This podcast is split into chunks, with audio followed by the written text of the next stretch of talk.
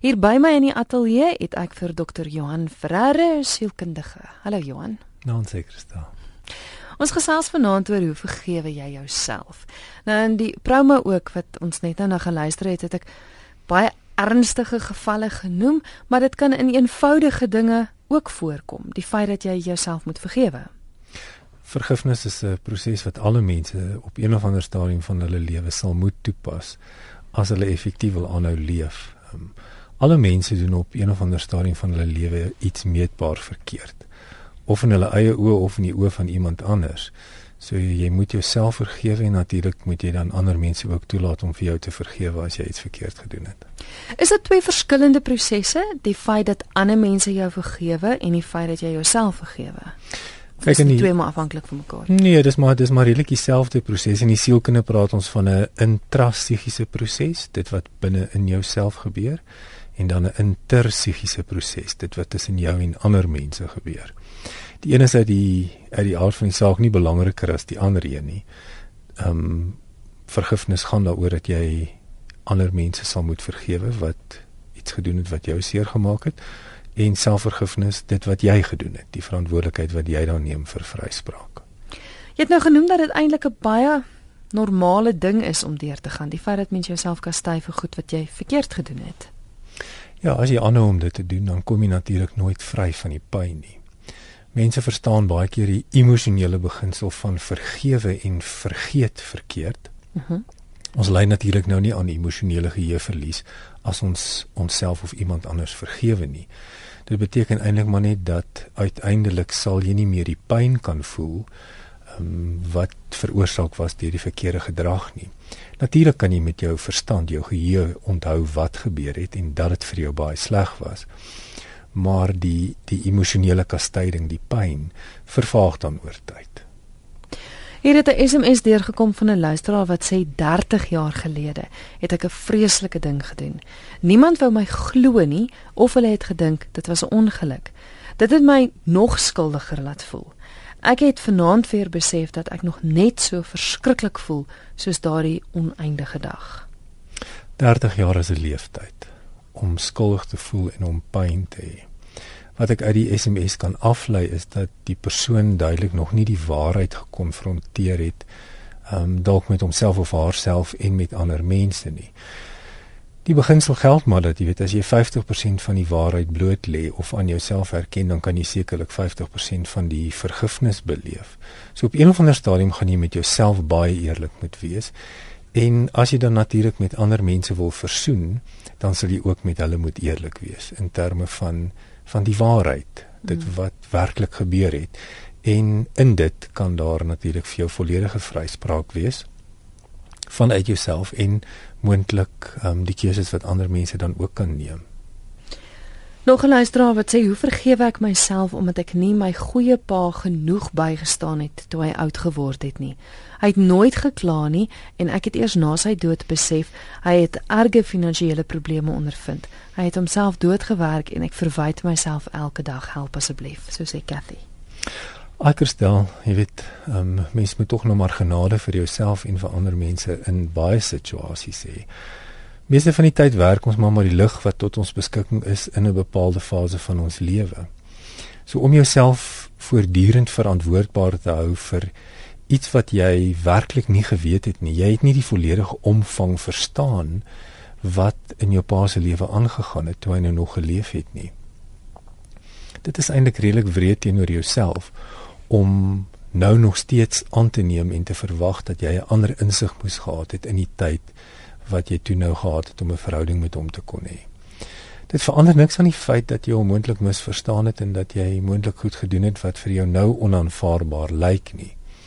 Dis wanneer die proses van selfvergifnis so belangrik is mm. dat jy eerlik met jouself moet wees En dit help baie keer om 'n gesprek met iemand daaroor te gaan hê wat net vir jou die emosies kan help objektifiseer.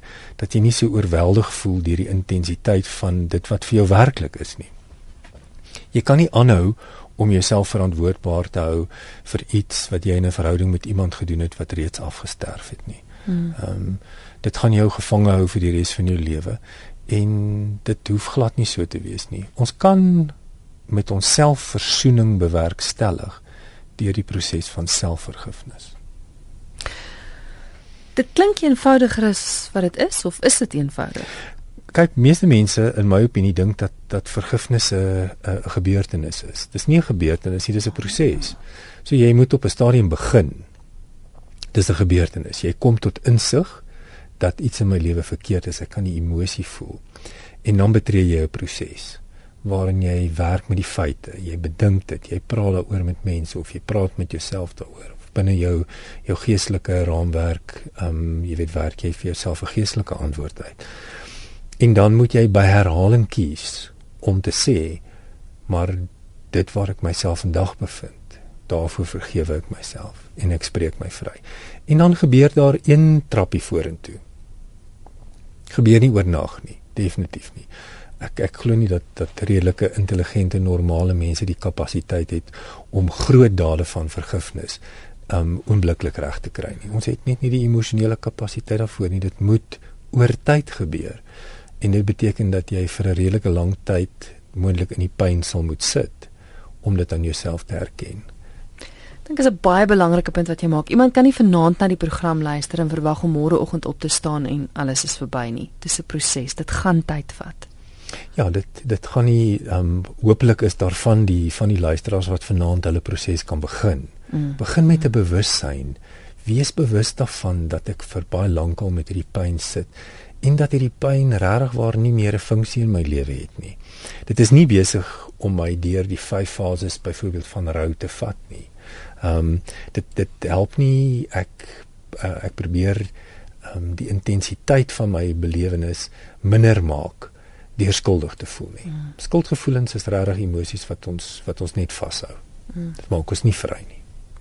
Jy is ingeskakel op uh, eh, RSG, jy luister na Geestesgesondheid. My gas vanaand is dokter Johan Ferreira, hy is sielkundige en ons gesels oor hoe vergewe ek myself. Dis 'n luisteraar wat sê my man is 3 jaar gelede oorlede. Die dokter het vir hom gesê hy gaan 3 jaar leef. Hy het niks vir my vertel nie. Ek was my gewone ou klaasak.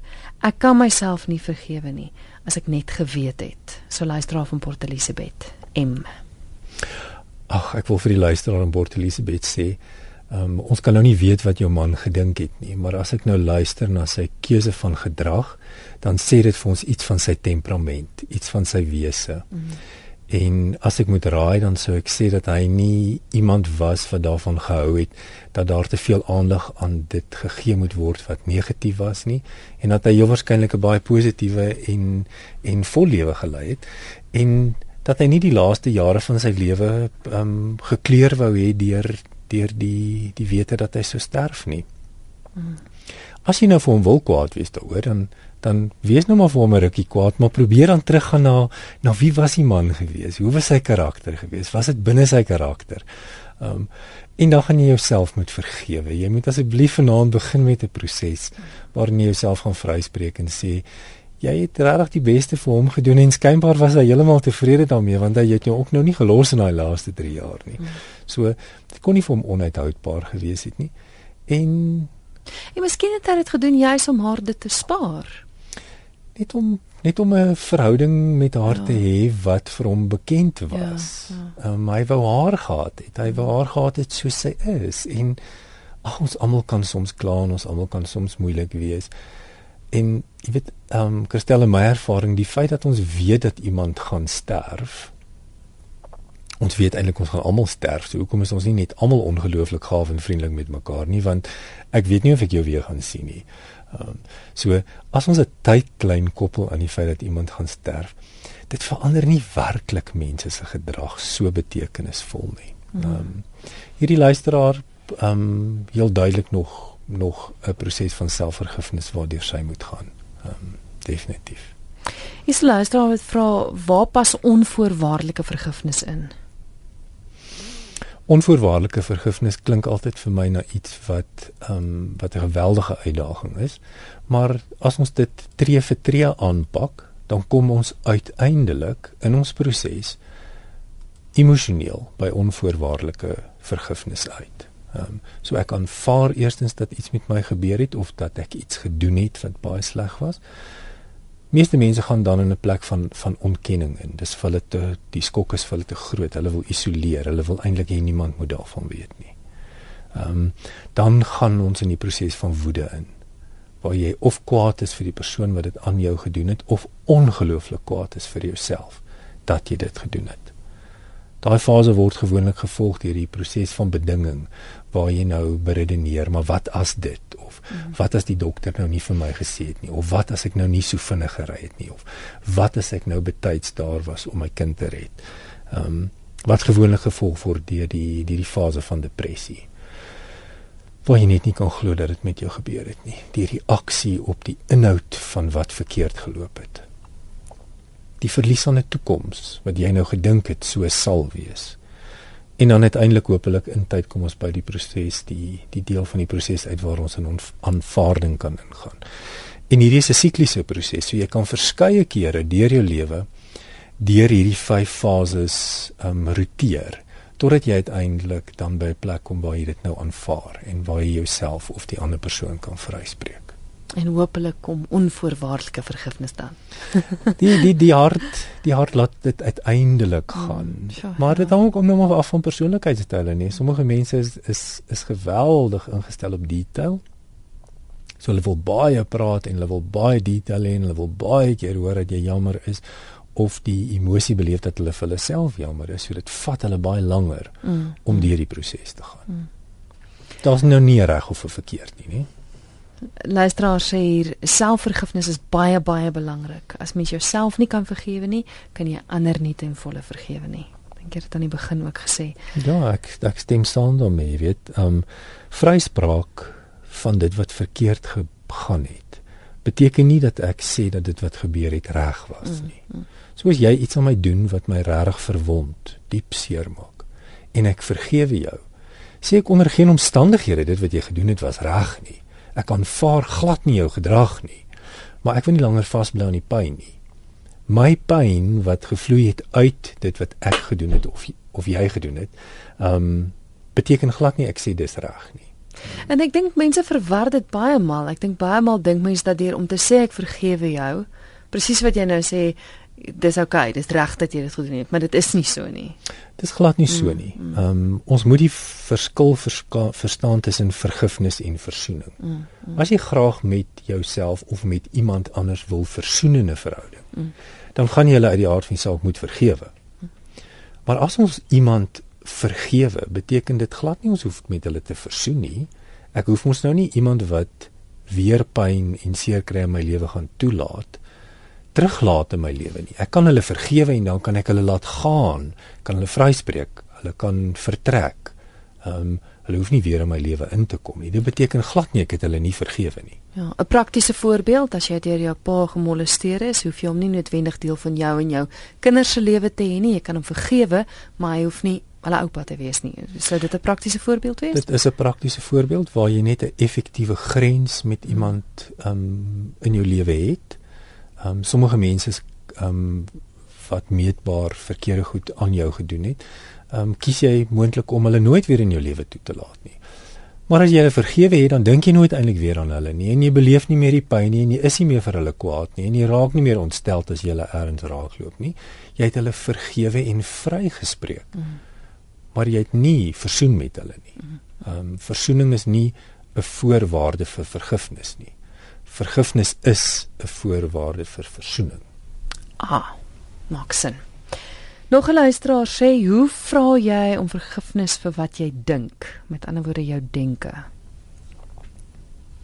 Dis 'n redelike komplekse vraag as ek dit reg verstaan. Ehm um, so die persoon voel dan heel waarskynlik oor skuldig oor dit wat hulle dink. Mm dit bly so dit bly 'n denkproses dis nie 'n uitgesproke mm. gedagte nie. Mm. Ehm um, dit sou ek sou ek dink is 'n intrasegiese proses met ander woorde dis 'n gesprek wat jy met jouself voer dat as jy dink aan iets wat negatief is of jy dink negatief oor iemand anders en jy wil dit nie verbaliseer aan die individu nie dan moet jy in 'n proses van selfvergifnis gaan en jy kan dalk jou gedagtes vernuwe uh, deur bewussyn deur elke keer wat jy negatiewe gedagtes dink ehm um, vir jouself die rem te trap en te sê ek het mos nou gesê ek wil nie teruggaan na daai negatiewe plek toe nie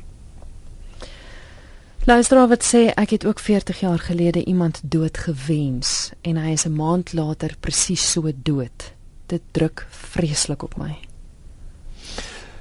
Ai, vir eens dink ek moet ons um, probeer om die inhoud daar te te objektifiseer, laat dit nie heeltemal so subjektief oorweldigend voel vir die luisteraar nie. Ehm um, dit is sekerlik so dat ons denke krag het. Ehm um, maar ek dink ons moet dan nou nou realisties daaroor wees dat dit dan sekerlik nou nie die rede is hoekom die persoon so gesterf het nie. Ehm um, selfvergifnis daar natuurlik nou weer die die sentrale tema. Ehm um, uh, ons kan nie verantwoordbaar gehou word vir die res van ons lewe vir 'n gedagte wat ons uitgespreek het nie. Ehm um, vergifnis se eerste stap is 'n is 'n plek van insig. Ek besef dat ek iets verkeerd gedoen het. Dan kies ek om daaroor jammer te voel, jammer te sê. En dan moet ek ophou om dit te doen. Ek moet dit nooit weer doen nie en ek moet daarvan wegstap. En dan kan ek vry wees daarvan. So as jy skuldig voel oor jou gedagtes, of die gedagte dat jy hierdie persoon skade wou berokken het, ehm um, gaan in die proses van selfvergifnis en vra vir jouself of jy opgehou het met die gedagteproses. Het jy dit ooit weer gedoen? En as die antwoord nee is, dan kan jy begin om te sê, maar ek moet nou my gedagtes rondom die vryspraak aanvaar. Luisteraar sê ek kan myself nooit ooit vergewe nie. My ma het in die badkamer geval. Ek was in die huis, maar ek het nie gehoor nie. Sy is so in die bad oorlede. Dis nou al 3 jaar gelede, maar dit kan net sowel vanoggend gebeur het. Ek was in die huis. Jy kan hoor dat hierdie luisteraar in die middel van die pyn sit. Dis nou al 3 jaar later, dit kan net sowel 30 jaar later wees. Die gebrek aan insig hier is dat dit vir my klink dat hierdie persoon probeer om verantwoordelikheid te neem vir iets waarvan hulle nie bewus was nie. Duidelik was die ander persoon, die persoon se ma in die huis en sy het nou in die badkamer geval. Dit klink nie vir my of die persoon wat verantwoordelikheid neem vir die afsterwe daarvan geweet het dat die persoon geval het en hmm. besig was om te sterf nie. So daar lê vir my 'n denkfout. Dit klink vir my die die luisteraar neem verantwoordelikheid vir iets waarvan hy of sy nie bewus was nie. Nou dit gaan dit gaan uit die aard van die saak dit vir jouself baie moeilik maak om oor hierdie ding te kom want die realiteit van iemand se dood is natuurlik nou iets waar ons nie beheer het nie. Ehm um, so die die beste insig wat ek moontlik hier kan gee is probeer probeer bereken hoeveel van die inhoud waarvoor jy jouself verantwoordelik hou het jy regtig van geweet? Het jy geweet dit was besig om te gebeur? As jy dit tog geweet het, sou jy tog iets aan gedoen het. Mm. Dit klink nie vir my of die persoon geweet het van die inhoud nie. Maar uit die aard van die saak is hy moontlik dalk nou in daai fase waar hy wat as? Wat as ek in die gang afgestap het? Wat ja. as ek gaan kyk het of sy oukei okay is? Hoe kom mens deur daai fase? Want jy het nou genoem dat dit 'n baie normale fase is, maar ek kan dink dat dit jou moet mal maak. Dis 'n baie moeilike fase. Ons noem dit die fase van emosionele bedinging waar jy nou met jouself en jy weet jou geloofsisteem of jou waardestelsel begin beding. Ja, maar hoekom het ek nie geweet nie? Moes ek nie beter omgesien het nie? Ehm um, moes ek nie gaan kyk het nie? Hoekom het ek nie gehoor nie? Mm, mm. Ehm mm, um, as mens in daai fase vashak, dan wil ek regtig voorstel dat jy ehm um, professionele hulp gaan soek.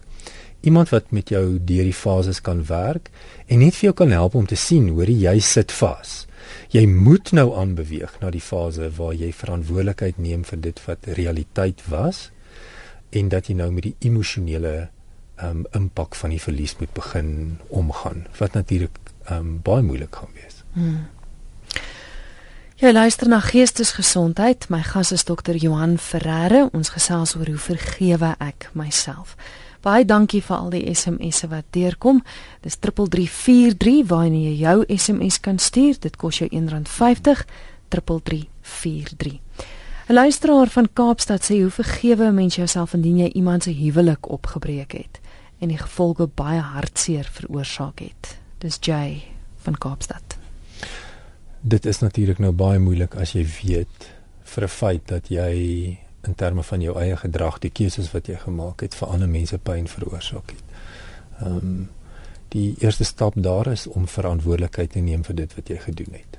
Erken dit aan jouself en as daar ander partye betrokke is wat nou nog 'n rol in jou lewe speel, erken dit ook aan hulle. Mhm. Ehm um, dit is die beginpunt van die proses. Dit beteken nie ek sit nou vir ewig daar vas en nou aan om skuldig te voel oor wat ek gedoen het nie. As ek nou tot insig gekom het, opgehou het om dit te doen, weggeloop het daarvan en dit nie weer doen nie, dan kan ek by die plek kom om te sê die gedrag wat ek geopenbaar het is dan mos nou nie meer deel van my menswees nie. Ek kan mos nou sien, ek kan mos nou meet. Dit is sigbaar dat ek nie meer die gedrag openbaar. Ek kan vir ewig spyt bly oor dit wat ek gedoen het. Mm. Ek hoef nie aanhou skuldig te voel daaroor nie. Mm, mm. Nou, nou dis waar die uiteindelike vryspraak in die vergifnisproses inkom. Dat as ek genoeg keer gesê het ek is jammer en ek bly jammer en dit verhoed my om dan weer die gedrag te openbaar, dan kan ek uiteindelik vrykom daarvan. Interessant die wat jy sê van uh, mens mens moet verantwoordelikheid aanvaar vir vir die dinge wat jy doen. Ek sal nooit vergeet nie ons was op 'n huwelikseminar gewees een keer en daar het hulle ook gepraat oor buiteegtelike verhoudings en so. En kyk, almal van ons maak foute, almal van ons doen dinge, maar jy moet verantwoordelikheid aanvaar vir dit hmm. wat jy gedoen het en jy moet bereid wees om die gevolge te dra. En ek, ek, ek lees dit reg, dis presies wat jy nou dit sê. Dit is nou. wat ek sê. Mm. Jy weet in so 'n geval, jy weet vir ons as terapeute is dit nie regtig moeilik om te sien wanneer iemand regtig jammer is mm. wanneer hulle opregte berou het nie. Mm. Opregte berou lyk op 'n bepaalde manier. Nê? Nee? Iemand mm. probeer nie verskonings maak as jy opreg berou het nie. Jy probeer nie redes gee nie. Al wat by daai persoon se mond uitkom is ek is ongelooflik jammer. Mm ek sien die pyn wat ek veroorsaak het. Ek bly jammer. Ek gaan net jammer bly hieroor. Ek gaan nooit probeer regverdig vir wat ek gedoen het nie. Gaan nie verskonings maak nie. Hmm. Die verskonings kom net gewoon nie by hulle mond uit nie. Hmm. So of jy nou of jy nou ontrou was in jou verhouding en of jy iemand anders skade gedoen het en of iemand anders gesterf het op grond van iets wat jy gedoen het of nie gedoen het nie, of dit intentioneel was en of dit 'n ongeluk was. Ehm um, as daar nie verskonings is nie, daar's net eienaarskap. Mm. Dan kan ons begin om gesond te word.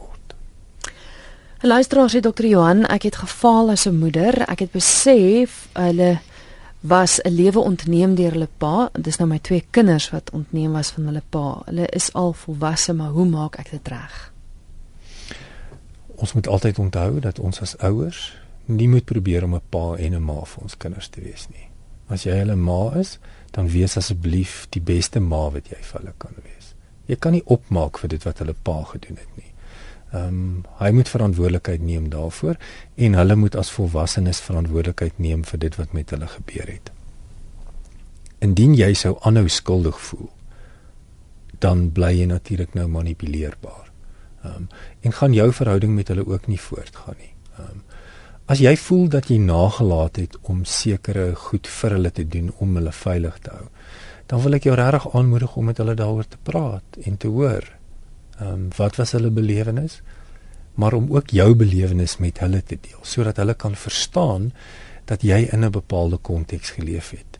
Probeer om vir hulle te verduidelik sonder om 'n verskoning aan te bied.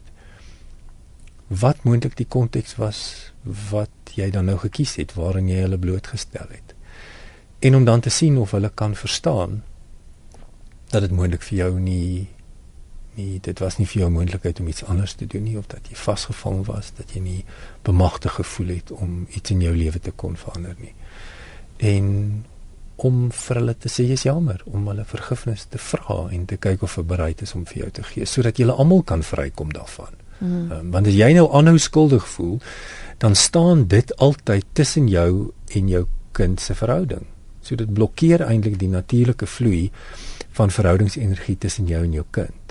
Al het jy nou nie iets meetbaar verkeerd gedoen nie, die pa dalk nou. Mm. Ehm um, voel jy skuldig oor jy nie 'n beter ouer was nie. Praat met hulle daaroor. Kry dit uit die pad uit kom agter praat is 'n baie belangrike ding. Kyk ons ons het 'n uh, uh, tyd terug groot geword met die idee van jy bly stil oor baie dinge. Dinge is mm. onder die mat ingevee, maar hier is maak oop. Praat daaroor. Erken dit aan jouself, erken dit aan ander mense want dit maak gesond. Mens moet altyd die die balans bou. Ehm um, jy weet ehm um, ons ons ons verduidelik en ons gee detail en ons bely tog nou aan die toepaslike individu. Ons gaan nou nie die hele wêreld vertel dat wat ons verkeerd gedoen het nie. Dis natuurlik nou ook nie toepaslik nie. Ja. Jy gaan in elk geval ook nou nie beter voel as jy nou vir 20 mense vertel het nie. Ehm um, kies die regte mense om vir te sê oor hoekom jy so jammer is en dit is natuurlik nou die persone wat direk daarbey betrokke was.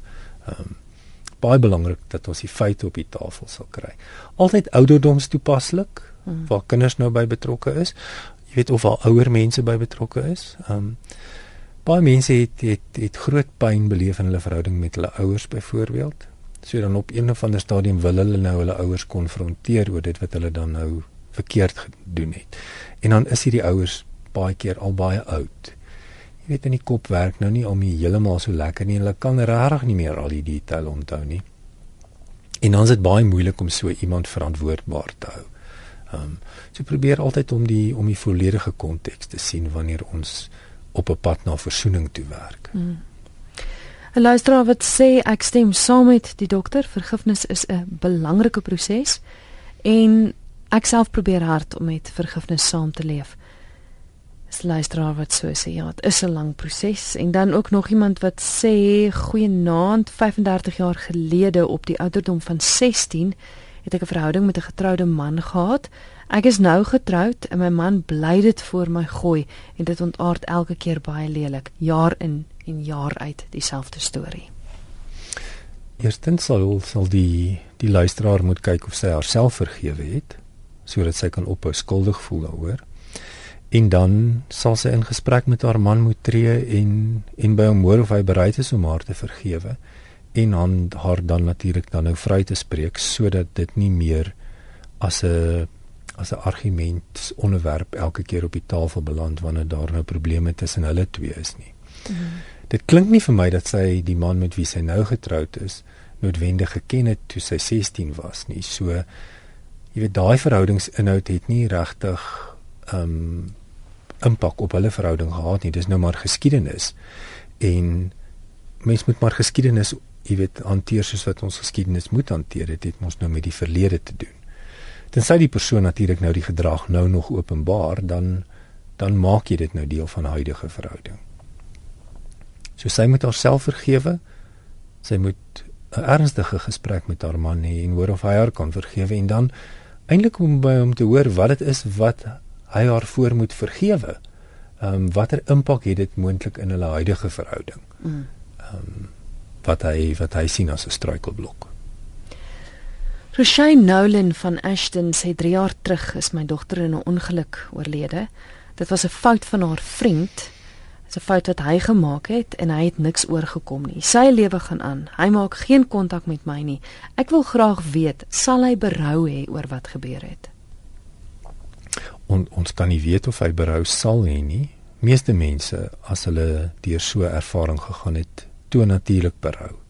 Uh, maar dit dit het met ons persoonlikheidstyl te doen. Ehm um, hy is moontlik in 'n in 'n fase van ontkenning en isolasie nog, ehm um, waar hy nie eintlik die pyn wil deel en veral nou nie die pyn wil deel met die mense vir wie hy die grootste pyn veroorsaak het nie. So 'n vergifnisproses, 'n rouproses, uiteindelik 'n vryspraakproses is dikwels iets wat oor baie jare geskied en mens moet maar baie geduldig wees. Ehm um, daar's soveel stories van mense wat na baie jare uiteindelik iemand gaan opsoek en uiteindelik sê hulle is jammer en dan die pad verduidelik wat hulle self moes gestap het om by die plek te kom om te kan vergifnis vra. Meeste redelike normale, redelike intelligente mense hmm. voel dieper rou as hulle iets meetbaar verkeerd gedoen het. Interessante SMS van 'n soldaat, 'n weermagsoldaat wat sê: "Hoe verwerk jy dit as jy mense in hakkies die vyand, iemand anders se seun, iemand anders se maker, 'n kind van God se skepsel doodgeskiet het as 'n weermagsoldaat?" Kyk, Christel, daar leef natuurlik in ons land 'n hele generasie hm. mans wat ehm um, in daai tyd jong mans was toe ons land in 'n in 'n staat van oorlog was. En ons leef almal met met die wete dat ons op een of ander manier deel daarvan was. Jy weet of jy nou self die ou is wat die geweer vasgehou het en die vyand dan nou moes beveg en of jy ondersteuningsdienste gebied het vir daai ouens wat moes uitgaan en die werk moes doen. Ehm um, so dis 'n dis 'n kollektiewe skuldgevoel wat wat baie mense in ons land mee leef. Ehm um, intrasegiese ehm um, vergifnis hier baie belangrik. Jy as mens gaan jou eie waarheid moet vind.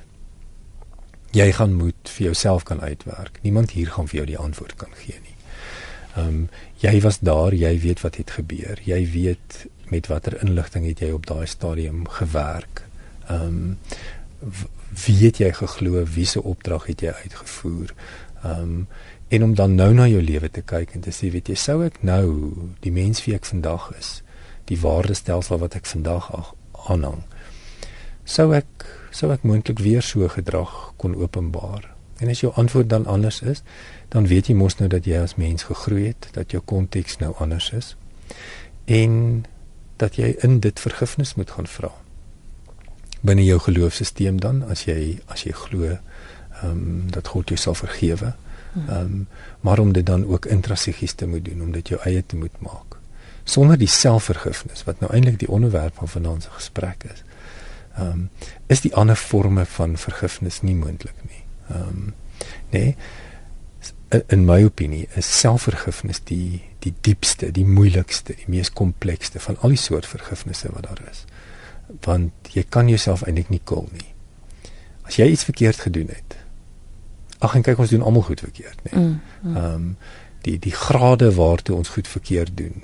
Ehm um, maak nie die vergifnis makliker of moeiliker nie. Ehm um, so die selfvergifnis bly eintlik die sleutel tot die hele proses van gesondmaking as ons iets verkeerd gedoen het. Of jy nou iemand doodgemaak het en of jy oneerlik was en of jy ongeluk veroorsaak het en of jy dalk mense jy weet of jy dalk verskeie mense in 'n oorlogssituasie ehm um, jy weet doodgemaak het. Die die kumulatiewe effek daarvan kan natuurlik vir sommige mense emosioneel baie hard stamp. Dat jy daaraan dink, maar weet jy daar was so baie, ek het nie eens geweet wie ja. hulle is nie. Ehm um, intrasegiese proses daar baie belangrik. Nog 'n interessante een dis dokter Jeppie Jonker wat sê elke keer as 'n pasiënt sterf onder my hande in die operasiesaal voel ek ook skuldig. Maar soms laat God dinge toe met 'n doel. En ek kan dink dokter, iemand is daar om lewens te red. En daai gevoel van ek want dis dit bly iemand se kind of se ma of se pa. Ja. ja. Kyk dit bring geweldige interne spanning. Um, ja, ja. Jy weet sekere beroepe wat mense kies. Ehm um, dit is die dit is die aard van wat jy kies om te doen. Jy weet dat jy gekonfronteer gaan word met die realiteit van mense se pyn, mense se seer kry en dan nou in sekere beroepe ehm um, mense se lewens. En dit dit is natuurlik so ehm um, dat dat mense wat met sulke betekenisvolle beroepe besig is waar wat dit werklik mense se lewe is wat op die spel is. Geweldige trauma beleef. Ehm um, jy weet die, die algemene publiek moet asseblief nie dink dat daai mense nie um, met groot trauma, jy weet by terapeute sit um, en deur geweldige wroging gaan. Hulle wys dit natuurlik nou nie vir die wêreld nie. Um, maar natuurlik in hulle menswees, in hulle siege is veroorsaak dit geweldige pyn en skuldgevoelens. Jy het nou genoem dat om jouself te vergewe een van die moeilikste ja maniere van vergifnis is dinge en ek dink dis miskien dalk ook kom ons juis vanaand daaroor gepraat het. En te oordeel aan die klomp SMS'e wat deurgekom het, is daar 'n klomp mense wat hiermee sukkel. Ek wil hê ons moet afsluit met 'n boodskap van hoop dat dit wel moontlik is. Jy sien dit in jou praktyk, jy sien hoe mense, maar weer eens net, dis 'n proses. Dis nie iets wat oornag gaan gebeur nie. Dit kan nie oornag gebeur nie, dis te groot. Ehm um, alle mense moet dit kan doen. Elke liewe mens wat vanaand luister, ehm um, het iets waarvoor hulle hulle self moet vergewe. As jy nou nie dadelik aan iets kan dink nie, moet jy maar moet jy maar bietjie gaan grou. Jy gaan definitief iets optel eers wat jy wat jy dan 'n skuldgevoel oor gaan hê.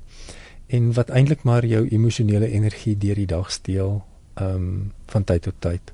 So om erns te begin om net te sê dit is so en jou bewussyn daaroor te ontwikkel en te sê ek gaan probeer om hierdie dinge in my lewe te wen. As jy dit nie op jou eie kan regkry nie, asseblief gaan gesels met iemand. wat vir jou kan help, wat net jou hand kan hou in die proses totdat jy deur die vyf fases is sodat jy ons almal uiteindelik by fase 5 kan aankom waar ons kan aanvaar dat ons in 'n gebroke wêreld leef. Niks niks hier is perfek nie. Niks hier is sonder foute nie. Jy weet, ehm um, en dit begin altyd by self. Daar is hoop en dit is moontlik en ek dink dis die belangrikste. Dit is wat ons wil oordra met vanaand se boodskap. Johan kan luisteraars jou kontak? Hulle kan, hulle kan vir my e-pos stuur Johan F by mosaik.com. Baie dankie vir die gesels vanaand en 'n heerlike aand verder. Dankie Christel. Dit is dokter Johan Ferreira met wie ek gesels het. Hy's 'n sielkundige. Gou weer sy e-posadres as jy met hom in verbinding wil tree. Dis Johan met 1 N F Kirikie F by Mosaik. Ek spel dit gou vir jou M O S A I E K. .com Johan F by mosaik.com